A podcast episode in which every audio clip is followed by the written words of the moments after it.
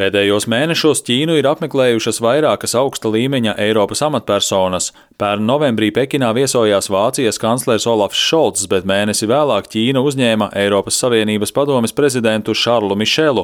Pirms nedēļas Pekinu apmeklēja Spānijas premjerministrs Pedro Sančes, bet vakar vairāku dienu ilgu vizīti Ķīnā uzsāka Eiropas komisijas prezidenta Urzula Fonderleina un Francijas prezidents Emmanuels Makrons.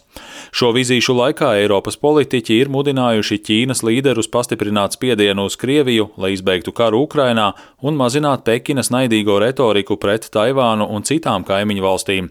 Taču nozīmīgs šo sarunu temats bija arī divpusējā tirdzniecība, kuras apjomi ir iespaidīgi. 2022. gadā Eiropas Savienības dalībvalstis uz Ķīnu eksportēja preces 230 miljārdu eiro vērtībā, Liela daļa no tām bija preces ar augstu pievienoto vērtību, piemēram, enerģētikas infrastruktūra un automašīnas.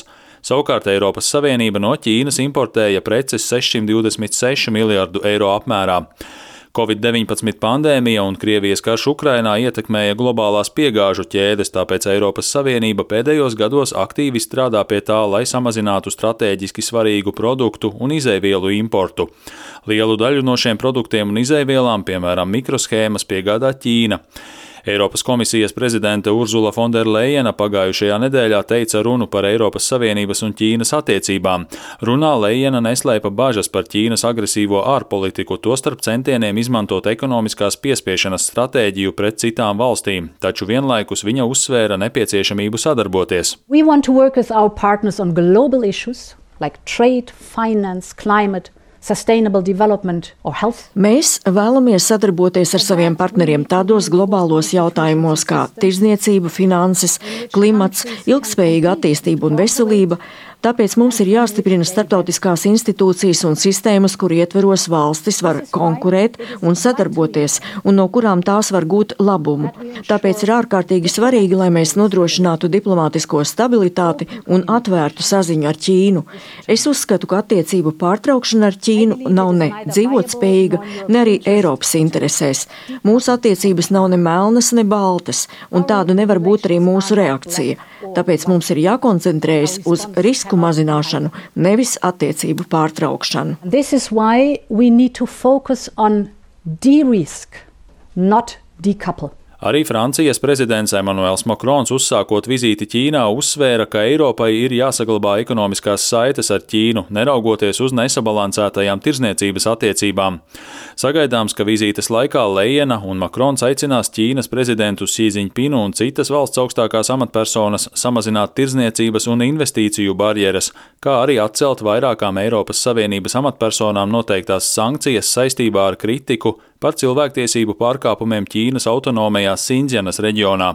Sankciju dēļ Eiropas parlaments nav apstiprinājis 2020. gadā noslēgto apjomīgo Eiropas Savienības un Ķīnas investīciju līgumu. Viens no Ķīnas sankciju sarakstos iekļautajiem Eiropas Savienības politiķiem ir Eiropas parlamenta deputāts Reinhards Bitikofers no Zaļo frakcijas. Viņš uzskata, ka Lejena un Makrons rīkojās pareizi kopā apmeklējot Ķīnu. Ķīna ir realitāte. Mēs nevaram ignorēt to, kādu lomu spēlē šī valsts. Bet attiecībās ar Ķīnu būtu labāk, ja Eiropieši saskaņotu savu rīcību. Tāpēc es apsveicu prezidentas Fonderlejenas un prezidenta Makrona lēmumu vienlaikus doties uz Ķīnu. Tādējādi viņi apliecinās ķīniešiem, ka mēs vēlamies un spējam runāt vienā balsī. Bitikofers arī norādīja, ka Eiropas Savienība ir sākusi samazināt savu ekonomisko atkarību no Ķīnas piemēram, apstiprinot tā dēvēto piespiešanas novēršanas instrumentu. E Manuprāt, Ķīna ļoti labi saprot, ka Eiropas Savienība nesēž malā un nenoskatās, kā Ķīna cenšas apsteigt ASV un kļūt par valdošo globālo lielvaru. Viņi redz, ka mēs aizstāvam multilaterālismu, ka mēs stājamies pretī lielvaru dominancei un uzstājam uz likuma varas ievērošanu starptautiskajās attiecībās. Uh,